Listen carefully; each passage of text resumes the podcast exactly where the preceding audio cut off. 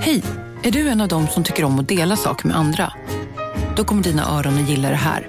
Hos Telenor kan man dela mobilabonnemang. Ju fler ni är, desto billigare blir det. Skaffa Telenor familj med upp till sju extra användare. Välkommen till någon av Telenors butiker eller telenor.se. Välkomna sommaren med att... Res med Stena Line i sommar och gör det mesta av din semester. Ta bilen till Danmark, Tyskland, Lettland, Polen och resten av Europa. Se alla våra destinationer och boka nu på stenaline.se. Välkommen ombord! Hej, Susanne Axel här. När du gör som jag och listar dig på en av Krys vårdcentraler får du en fast läkarkontakt som kan din sjukdomshistoria. Du får träffa erfarna specialister, tillgång till lättakuten och så kan du chatta med vårdpersonalen. Så gör ditt viktigaste val idag, lista dig hos Kry.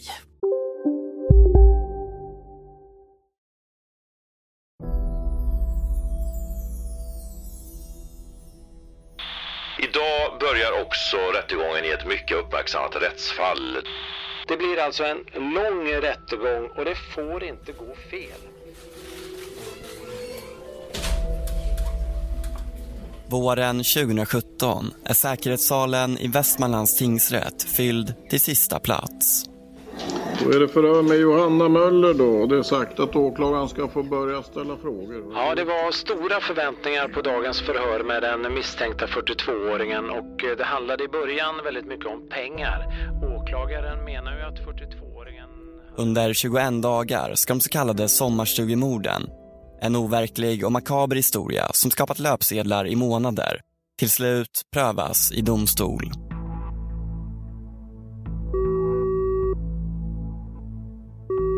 Då var polisen här. Jag, jag, jag håller på död. Vad är det som har hänt för något? Det vet jag inte. Det är då jag ser den ja, fruktansvärda synen av en kvinna som är blodig. Från eh, håret är blodigt och tårna är blodig. Ja, det är bråttom. Jag håller på. Jag, jag, jag, jag förlorar. Sitter ju helt naken i en fåtölj. Vi måste komma nu. Och när hon sitter på båren då frågar hon, är han död? Är min man död? Ja, tyvärr det är han, svarar jag. Hon säger inget mer efter det. I centrum för rättegången står Johanna Möller, av media döpt till Arboga kvinnan. Hon är jätte, jätteskicklig på att läsa människor. Och eh, hon är väldigt, väldigt skicklig på att eh, säga det vad man, man vill höra. Det första brott hon anklagas för är mordet på sin exmake Aki Pasila som hittades drunknad vid Johannas föräldrars sommarstuga utanför Arboga. De förtjänade att dö. Så sa hon det? De, de förtjänade? Ja. Han menade säkert allvar med sina hot. Men det här var enbart ironi för att överleva den pressen jag var utsatt för. Den psykiska misshandeln. Sa hon någonting om att Aki var borta? Nej. Verkade hon orolig på något sätt? Nej, hon var precis som vanligt. Jag vet egentligen inte varför jag ringer 112. Jag hade bara en känsla att att det hade hänt någonting.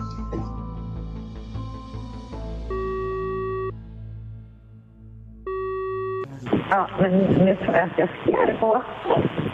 Okej, okay. var ser du båten någonstans? Där.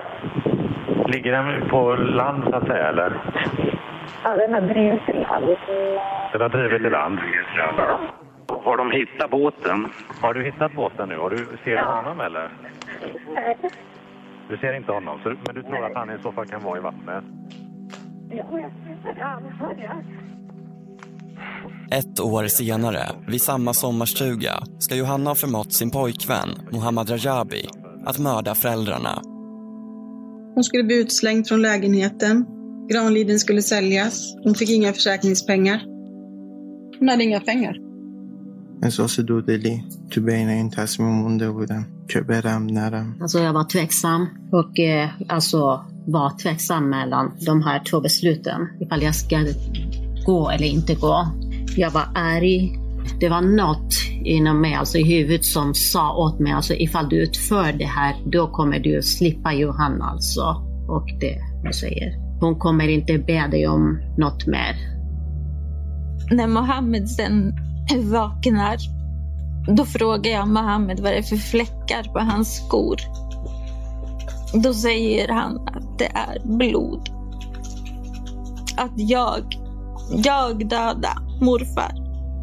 Det gick inte in i mitt huvud. Jag började skratta. Jag trodde inte på honom. Jag slog honom. Jag örfilade honom. Jag frågade varför. Efter att polisen gick, eh, då vände Johanna sig mot mig och sa alltså, är jag en bra skådespelerska så spelar jag bra och torkade av tårarna och skrattade. Lyckligtvis överlevde Johannas mamma huggen från Mohammads kniv och i tingsrätten fick hon möjlighet att berätta sin historia. Min man Göran var för mig den mest underbara människa jag känner eller kände. Han älsk vi älskade varann och han brydde sig mest om mig och sin övriga familj. Vad tycker du om din dotter? Ja du, jag älskar min dotter. Men jag kan aldrig, aldrig förlåta henne vad hon har gjort. Hon har tagit halva min familj. Under rättegången växer indicierna mot Johanna Möller. Mohammads utpekande tillsammans med polisens tekniska bevisning gör omständigheterna allt mer försvårande för henne. Du vet att vi måste neka, neka aldrig. Vi måste neka, förstår du? Så fort vi har gift oss då kan vi dra utomlands, förstår du? Ja. Oh my god. Värsta kriminella liksom. Det du läser upp, Ja, det är en person i chockfas.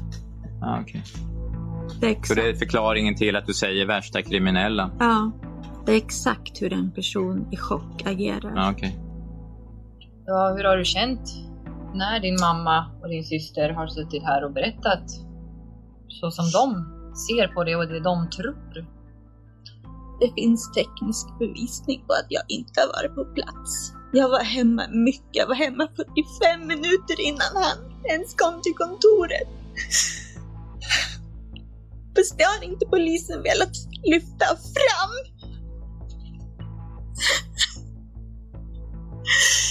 Jag har inte vetat om det här. Jag älskade min pappa över allt annat på jorden. Det var min pappa som stöttade mig i allt, i alla mina livsval. Och när jag hamnade i en fallgrop, då var det han som lyfte upp mig. Och sen stod vi ute på landet, den andra. Och jag berättar att landet är till salu för nästan fem miljoner. Sen på natten åker han, idioten, skicka ut han!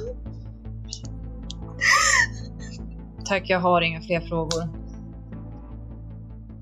Den 21 augusti 2017 döms Johanna Möller skyldig på samtliga åtalspunkter. Det är bra att det nu finns en dom i det här ärendet. Och det är bra för framförallt målsägandena att de inte längre behöver leva i ovisshet. Nu vet vi att 42-åringens make blev mördad. Och vi vet att det var 42-åringen som låg bakom det mordet.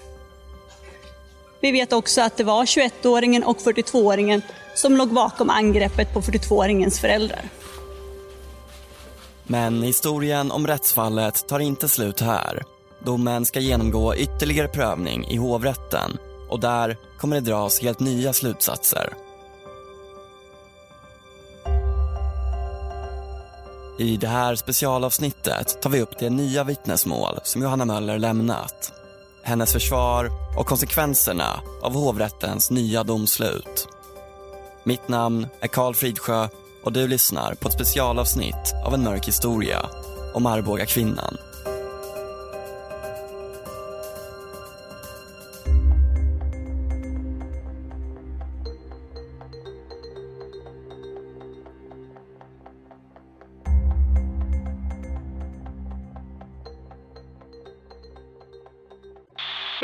Inleds förhandlingarna i hovrätten kring de De så kallade sommarstudiemorden utanför Arboga i augusti 2015 och förra året. I rättegången som inleds idag kommer delvis ny bevisning läggas fram, säger åklagaren Jessica Venna.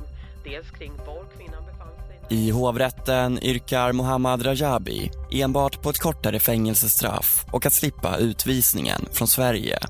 Johanna Möller däremot, som hela tiden nekat till anklagelserna, vill bli frikänd från alla åtalspunkter. Hennes advokat, Amanda Hikes, kommenterar överklagan för SVT. Det finns ju ingen som helst teknisk bevisning i någon del. Och i övrigt så handlar det om indicier som inte är tillräckligt starka för att nå upp till att det ska vara styrkt. Åklagare Jessica Venna till SVT. Ja, jag menar ju att eh, tingsrättens dom ska fastställas. Det är egentligen på samma argumentering som tingsrätten har dömt om. Men när det gäller kvinnans och eh, hennes makes död så är det ju i första hand bevisningen kring försäkringen och kiselalgerna skulle jag säga. Eh, och när det gäller kvinnan och den andra delen där hennes eh, föräldrar då har utsatts för brott eh, så är det också en helhetsbedömning men de viktigaste omständigheterna där är ganska till stor del grundade på hennes eget beteende och agerande i samband med och efter gärningen. Jag tänker då på eh, det hon har sagt i avlyssningarna och de brev och de lappar som hon har skrivit kring det här. När tingsrätten dömde Johanna Möller för att ha anstiftat Akis död grundade domen sig i huvudsak på vittnesmål från experter. Det handlade framförallt om kiselalger, de små mikroskopiska organismer som enligt åklagarsidan bevisar att Aki inte drunknade i Hjälmaren. Att Akis kropp placerades i vattnet efter att någon eller några mördat honom. Jag är rättsläkare och har arbetat inom rättsmedicin som läkare sedan 1983. Och eh, jag har varit specialist i rättsmedicin sedan 1987 och eh, jag är också professor i rättsmedicin vid Karolinska institutet. En av de experter som vittnade var Henrik Druid. Vad, vad är din slutsats? Det låga antalet påvisade kiselalger i lungorna då, va? och att det inte finns i de andra vävnadsproverna eh, talar emot drunkning i kiselalgsrikt vatten. Om jag förstod dig så menar du att Hjälman är kiselrikt Ja, kiselalgrikt vatten. Ja. Så det talar alltså emot att han har drunknat där. Det togs aldrig några vattenprover precis på den plats där Akis kropp hittades. De mätningar åtalet lutar sig mot genomfördes den 19 augusti, 12 dagar efter Akis död och togs dessutom en bit ut i Hjälmaren. I tingsrätten fick därför Anders Sten, forskningsingenjör på SLU som var delaktig i Kiselarvsutredningen, frågor om hur tillförlitliga dessa mätningar kan sägas vara. Kan vara stora variationer från år till år Ja. eh, på grund av vindar, temperatur med mer. Men skillnaderna är i alla fall minst i augusti. Mm, det är stabilast då. Eh, nu, nu gjorde ni den här mätningen den 19 augusti. Vad, vad skulle du säga? Om det, jag förstår att du inte kan säga någonting exakt, men om du går eh, 12, till 12 dagar tidigare, den 7 augusti. Va, vad kan man förvänta Man vet nu att det är den 19 augusti 2015 i Storhjälmaren är 569 014 kiselalger på en liter. Vad kan man då förvänta sig att det var ungefär den 7 augusti? Är det ungefär samma? Är det tre kiselalger på en liter eller vad, vad, vad har vi för spann? ja, det, det borde vara ungefär samma. Mm. Eh, Med, med just den här ändå stora variationen som kan förekomma så borde det vara samma, samma 10 potent. Eh, alltså, förstår du det uttrycket? Nej. Nej. Eh, och, och, hur många sa du att det var i provet? Eh, 569 014. Ja, så det borde vara någon, någonting på 100 000, kanske 100 000 eller 900 000, men Mm. ungefär någonstans. Någonting som slutar på 100 000. Okej. Mot bakgrund av bland annat dessa vittnesmål når tingsrätten slutsatsen att citat det måste anses ha blivit klarlagt att Aki Pasila inte drunknade i Hjälmaren där det tydligen kryllade av kiselalger utan att han antingen kvävdes till döds eller blev dränkt i något annat vatten som då inte var rikt på kiselalger. Slutcitat. Aki drunknade alltså inte. Han blev mördad. Och enligt tingsrätten måste Johanna Möller, även om det inte går att bevisa hur mordet gick till eller ens vilka som utförde det, åtminstone har anstiftat mordet. Tingsrättens resonemang får många tyckare och experter att reagera. Däribland Anders Sten som menar att rätten vantolkat hans vittnesmål. I en intervju för Aftonbladet menar han att det, som det slås fast i domen, skulle ha kryllat av kiselalger i vattnet där Aki hittades. Bara är tingsrättens egen tolkning.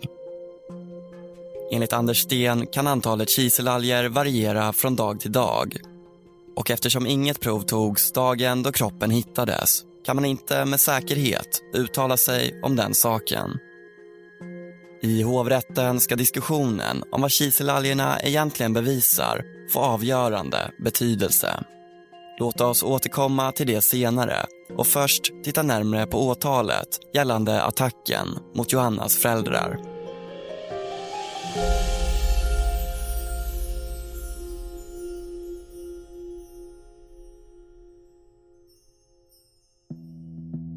Det finns ingen teknisk bevisning som visar att Johanna Möller var vid sommarstugan i Granliden natten då hennes föräldrar överfölls.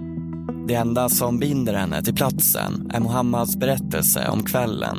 Hur Johanna körde honom dit för att sedan vänta i bilen medan han, på hennes order, överföll föräldrarna i deras sovrum.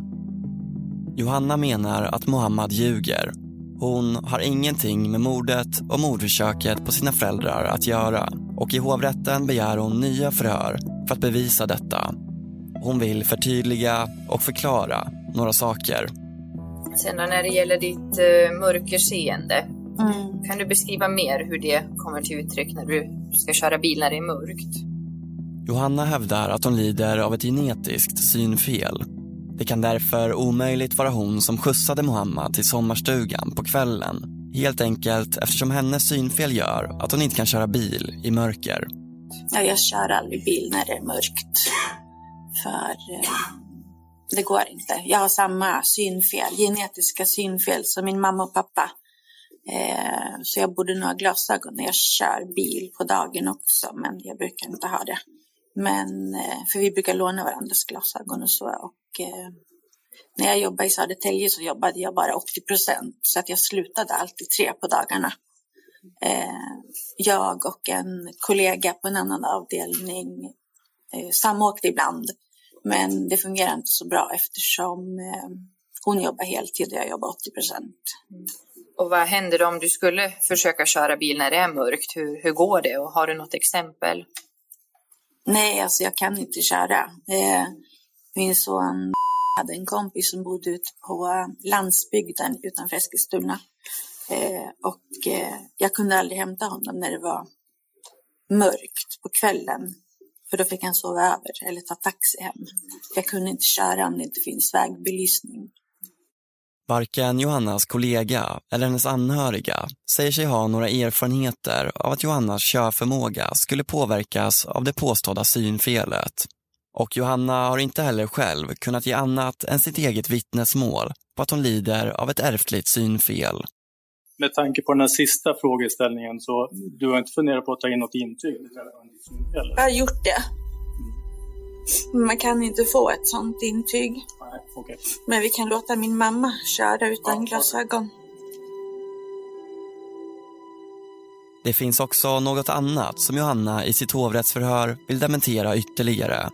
Det handlar om Mohammads uppgifter om att Johanna faktiskt erkänt sin inblandning i mordet. Ett erkännande som Mohammad menar att han lyckades fånga på band när de var i Stockholm dagarna efter mordet. Vi hör honom i tingsrätten. Då skulle jag vilja att du egentligen med, egna ord lämnar en berättelse om det som din försvarare berättade här. Om den här inspelningen och den här tröjan. Okej. Okay. دقیقا تاریخش رو نمیدونم بعد از سوم آگوستی روزامو دقیقا Jag kan inte exakta datumet. Efter 3 augusti kommer jag knappt ihåg några datum. Men det var en dag när eh, jag var i Stockholm jag gick ut för att köpa mig eh, narkotika. På Sergels torg stöter Om en så vidde på väg till dig för att du råkar ljuga från kollega om att du också hade en och innan du visste ordet av du hem kollegan på middag och... Då finns det flera smarta sätt att beställa hem din sous på. Som till våra paketboxar till exempel. Hälsningar Postnord. Demideck presenterar Fasadcharader. Dörrklockan. Du ska gå in där. Polis? Effektar? Nej, tennis tror jag. Pingvin. Alltså jag fattar inte att ni inte ser. Va? Nymålat. Men det var många år sedan vi målade. Demideckare målar gärna, men inte så ofta. Kolla menyn. Vadå? Kan det stämma? 12 köttbullar med mos för 32 spänn. Mm. Otroligt! Då får det bli efterrätt också. Lätt! Onsdagar är happy days på IKEA. Fram till 31 maj äter du som är eller blir IKEA Family-medlem alla varmrätter till halva priset. Vi ses i restaurangen på IKEA. Han av en slump ihop med en gammal kompis från tiden han bodde i Turkiet. Mohammad berättar för honom om vad som hänt, om Johanna och vad han gjort sig skyldig till. Då frågade han mig om den kvinnan som hade följt med mig och jag har utfört det dumma, om eh, hon var behjälplig på något sätt. Och då sa jag att jag inte litade helt och hållet på henne och jag var osäker om hon skulle svika mig någon gång. Och då frågade han varför. Jag berättade att eh, för att hon kommer sticka. Hon kommer inte stanna med mig. Hon är på väg till Thailand. Och det som jag säger till henne går hon inte med på utan bara upprepar sitt eget. Kompisen ber Mohammad följa med honom och leder honom sen till en teknikaffär. Där köper kompisen någon slags ljudupptagningsutrustning till Mohammad och instruerar honom sen att i hemlighet spela in Johanna för att försöka fånga hennes erkännande på band. Om Mohammad någon dag väljer att erkänna för polisen kan han använda inspelningen som bevis. Och då sa han att försök att prata på vilket sätt som möjligt. Prata med henne och få henne att berätta även om du tvingas att höja rösten. Skrika åt henne, gör det så att hon berättar. När du har det här, då kommer hon inte kunna svika dig i morgondagen. Mohammad och kompisen tar sig tillbaka till hotellet. Medan Mohammad går upp till Johanna på rummet sätter sig kompisen i lobbyn och väntar på honom.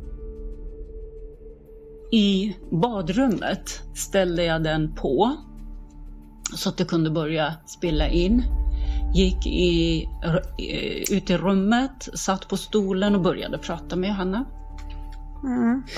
Och då började med att eh, berätta för Johanna att jag minns att den 3 augusti var du med mig. Men när jag säger det, då säger du att det är bara skitsnack. I cirka 30 upp till 40 minuter var det bara frågor från mig och nekande från Johanna. Plötsligt blev Johanna irriterad och började bara prata självmant. Sen berättade hon om det här med 3 augusti. Jag planerade det här för du ville inte gå med på det. Och berätta så här, strö. Mm. Och sen beskrev du som jag förstod det att du sen gick ner i lobbyn och lämnade över den här inspelningen då till den här kompisen. Ja, efter Johanna blev tyst och gick och la sig, då gick jag tillbaka till lobbyn Eh, satt mig bara någon minut med den här kompisen, inte lång stund. Eh, och bara pratade med honom, lämnade över utrustningen och han sa att det här tar jag med mig och du hör av dig då den dagen du behöver dem. För jag litar inte på att du ska behålla dem för antingen kommer du tappa bort eller lämna över till henne själv.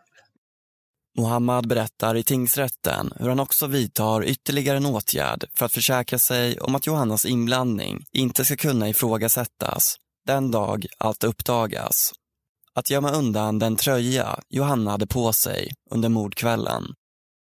Eh, om vi tar lite grann om, om tröjan också, då tänker jag på Johannas tröja. Eh, du beskrev tidigare att du hade, eller hon hade tagit med ombyte till dig i bilen då när ni var ute vid Granliden. Hade hon själv något ombyte? Ja. Så när hon har fått blod på sig på tröjan, behöll hon den tröjan på eller bytte hon om då? Den t-shirten, 4 augusti, hade hon tagit av sig. Den hittade jag på golvet i sovrummet. Mm. Och när jag tittade närmare såg jag att något hade torkats på den. Då tog jag den utan att visa den för eh, Johanna. Okej, så det var, det var en ganska liten fläck? Ungefär som om det är spår efter fyra finger, fingeravtryck. Såg ut som en handavtryck. Okej. Men, men visste Johanna senare om att du hade tagit den här tröja, hennes tröja? Jag berättade för henne i Stockholm och hon bad mig att bara kasta, slänga bort den. Varken tröjan eller inspelningen där Johanna, enligt Mohammad, erkänner att hon planerat föräldramordet har kunnat hittas. Det enda beviset för att tröjan och inspelningen överhuvudtaget existerar är Mohammads eget vittnesmål trots försök att framkalla dem inför rättegången. Men Mohammad menar att Johanna själv har hört delar av inspelningen. Hans kompis skickade nämligen en sekvens från inspelningen till Mohammad som han sedan spelade upp för Johanna. Hon ska enligt Mohammad ha blivit så arg efter att ha hört inspelningen att hon slängde hans mobil i marken. I sitt förhör i hovrätten är det detta Johanna vill dementera. Det finns ingen inspelning och hon har inte kastat Mohammads mobil i marken. Och sen när det gäller eh, Mohammads iPhone som han berättar en, att du skulle ha kastat i golvet så att det blev en repa. Mm, den. Hur var det med den telefonen? Den telefonen tappade han på en klippa i Smögen eh, under midsommarhelgen. Eh, och den iPhonen har ju en betydande roll i hans lögner om inspelningen. Men då var ju den redan tagen i beslag vid det här tillfället. Och även så hade ju span, span på oss och har dokumenterat varje steg Mohammed tog den kvällen. Och han har inte varit i någon elektronikaffär och ingen kompis har noterats i span. Allt det här är ren lögn enligt Johanna och ytterligare ett bevis på att Mohammad gör allt för att dra in henne i ett mord och mordförsök hon inte har någonting med att göra. Anledningen till att Mohammad berättar den här historien, menar Johanna, har att göra med att han läst i polisens förundersökning hur Johanna i ett förhör berättar att hon kom hem till lägenheten redan strax innan klockan 11. Det är bara lögner. Och de lögnerna han kallar ju till ett eget förhör där i maj och ville berätta om de här lögnerna. För då hade han läst i fuppen att jag kom hem och parkerade 22.55 och hänvisade till min färddator. Och att min son och jag hade båda uppgett att vi gick och la oss 23.20. Så det är då han kallar till det här förhöret och ljuger ihop de här sakerna. För han insåg att hans stegräknare avslöjade att han kom till kontoret strax före midnatt 23.58. Och stegräknaren ljuger inte. Det är i ett tilläggsförhör som Mohammad väljer att berätta om den påstådda inspelningen. Johanna menar tillsammans med sin advokat att åklagarsidan medvetet har mörkat de här uppgifterna från Mohammad eftersom det skulle minska hans trovärdighet. Och sen har jag faktiskt gjort en notering från det förhöret när Mohammed tar upp det i tingsrättens sista dag. Då säger eh, Mohammeds advokat så här. jag hade antecknat det. Eh, jag ska läsa upp det för att... Förlåt? Mohammeds advokat... Du upp nu från Mohammeds förhör? Jag vet inte om det är... Nej, nej. En anteckning nej. du har gjort. En anteckning från advokaten, vad advokaten har sagt. Du har skrivit det? Ja, jag Ja, skrivit varsågod. av exakt samma. Eh, vi trodde inte vi skulle behöva ta upp förhöret från maj, men vi känner att vi måste göra det nu. Så det här förhöret hade åklagaren gömt undan. När det gäller det här nya förhöret med Mohammed och det han berättade om den här inspelningen. Du får ju frågor om det i kompletterande förhöret som vi har sett nu och du Mm. beskriver att du ja, fram till dess har tänkt att det här, allt det här som Mohammed har gjort har berott på droger. Ja, jag Hur- tror gott om alla. Och har tänkt att eh, jag har förklarat att det här hände utifrån att han kanske hade fått hallucinationer. Han hade ju sagt att han brukade få hallucinationer om han tog droger. Och utifrån att han sa att eh, han blev rädd när min mamma vaknade och började hugga i panik mot henne. Eh, jag försöker alltid, alltså jag jobbar ju med, med missbrukare och jag brukar alltid försöka förklarat det liksom med drogerna som har varit källan till att de har begått brott och så. Eh, jag har inte velat tro att eh, det har varit Mohammed som har gjort det utan jag har lagt det på drogerna och sen har jag inte, jag har inte kunnat ta till mig. Jag tror att jag har eh, satt upp en skyddsbarriär att ett år innan min pappa dog så, så hade min man dött. Och eh, det här var ju den tredje. Johanna ska även utveckla vad i utredningen som hon menar bevisar hennes oskuld. I 73 handskrivna A4-ark går hon grundligt igenom förhör och vittnesmål, omständigheter kring tidsangivelser och vad som framkommit i tingsrättsförhandlingarna. En dum, lättlurad socionom sammanfattar hon sig själv i brevet. Varför skulle jag helt plötsligt ha blivit en mördare, undrar hon. Jag förstår inte det. Det blir Johanna Möllers slutord som hennes advokat Amanda Hikes kallar brevet när hon under sin slutplädering lämnar över det till en oförberedd hovrätt. En hovrätt som en månad senare ska meddela sitt beslut. Ja, god middag och välkomna till den här pressträffen med anledning av att hovrätten idag klockan 14 meddelar dom i målet Johanna Möller och Mohammad Rajabi. Den 27 februari 2018 avgörs Johanna Möller och Mohammad Rajabis framtid.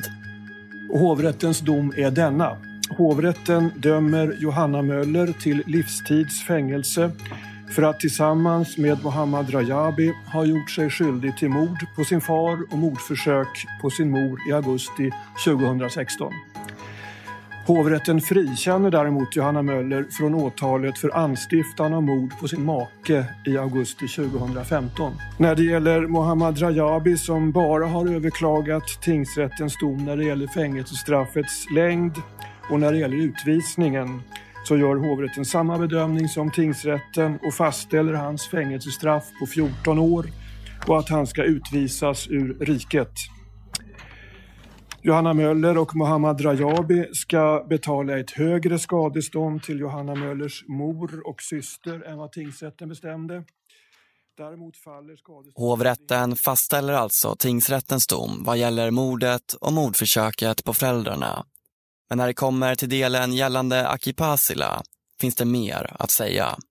Hovrätten har visserligen, precis som tingsrätten, funnit det bevisat att Johanna Möller vid några tillfällen dessförinnan försökt förmå andra att döda eller skada hennes make. För dessa så kallade stämplingsbrott döms Johanna Möller även här. Dessa stämplingsbrott blir i sig en besvärande omständighet för Johanna Möller och de visar att hon ville att hennes make skulle dö. Utöver detta finns det flera för Johanna Möller mycket besvärande omständigheter. Till exempel kan nämnas att hon i sin mans namn, men utan att han kände till det, tog en livförsäkring på ett högt belopp och med sig själv som förmånstagare. Och detta skedde förhållandevis kort tid innan han dog. Man kan också nämna den telefonanalys som gjorts avseende Johanna Möllers telefonuppkopplingar under kvällen och morgonen. Den visar nämligen att hennes telefon kopplade upp mot olika master, vilket tyder på att hon var i rörelse. Och detta är inte förenligt med hennes egna uppgifter eftersom hon har sagt att hon under hela den tiden var inne i huset. Hovrätten konstaterar att det finns mycket besvärande omständigheter för Johanna Möller.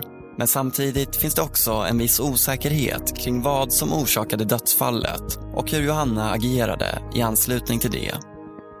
Hovrätten lägger inte heller samma vikt vid Kiselalgsutredningen som i tingsrätten fick avgörande betydelse. Istället slås det fast att eftersom antalet kiselalger kan variera mellan olika tidpunkter och platser och det aldrig gjordes någon mätning i nära anslutning till Akis dödsfall går det inte att utesluta att han drunknade i Hjälmaren. Det är således inte ställt utom rimligt tvivel att Aki mördades. Hovrätten konstaterar sammanfattningsvis efter en sådan genomgång att faktum kvarstår. Det har inte kunnat klarläggas på vilket sätt Johanna Möllers make dog. Det finns ett utrymme för att han drunknade i Hjälmaren och det finns ett utrymme för att han kan ha dött på annat sätt än genom mord. Det ska också sägas att det inte finns något stöd för att några andra vuxna personer befann sig vid sommarstället. Inte heller finns det någon säker utredning om Johanna Möllers agerande i anslutning till dödsfallet. Med de höga beviskrav som gäller i brottmål innebär dessa osäkerheter att åtalet måste ogillas. Även om hovrätten inte ändrar Johanna Möllers livstidsstraff så får domslutet andra konsekvenser. Frikännandet innebär att Johanna Möller slipper betala det skadestånd på 792 000 kronor som var utdömt till Akis närmast anhöriga. Däribland deras gemensamma tvillingar och ett av försäkringsbolagen. Pengar som Johanna får förmodas ha tillgång till eftersom hon under tiden hon satt häktad plockade ut 3 miljoner kronor i aktieutdelning från sitt skandalomsusade bolag Pangelius Familjehemsvård.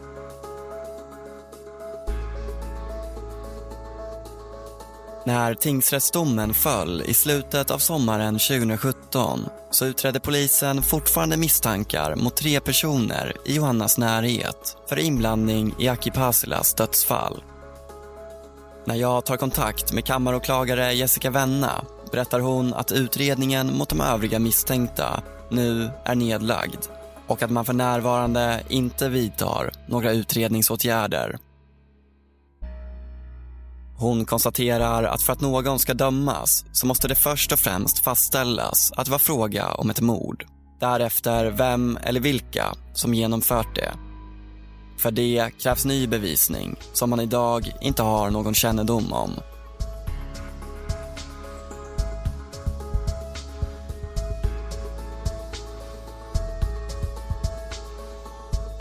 Den omfattande rättsprocessen har besvarat mycket men en betydande fråga lever alltså kvar.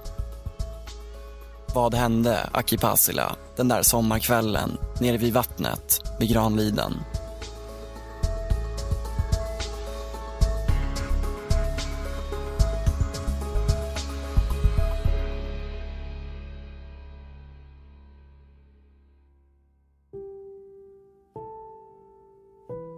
Du har lyssnat på En mörk historia producerat av mig, Karl Fridsjö och Joel Silberstein Hont. En ny säsong med nya fall kommer inom kort. Håll gärna koll på våra sociala medier. Länkar finns i avsnittsbeskrivningen. Tack för att du har lyssnat.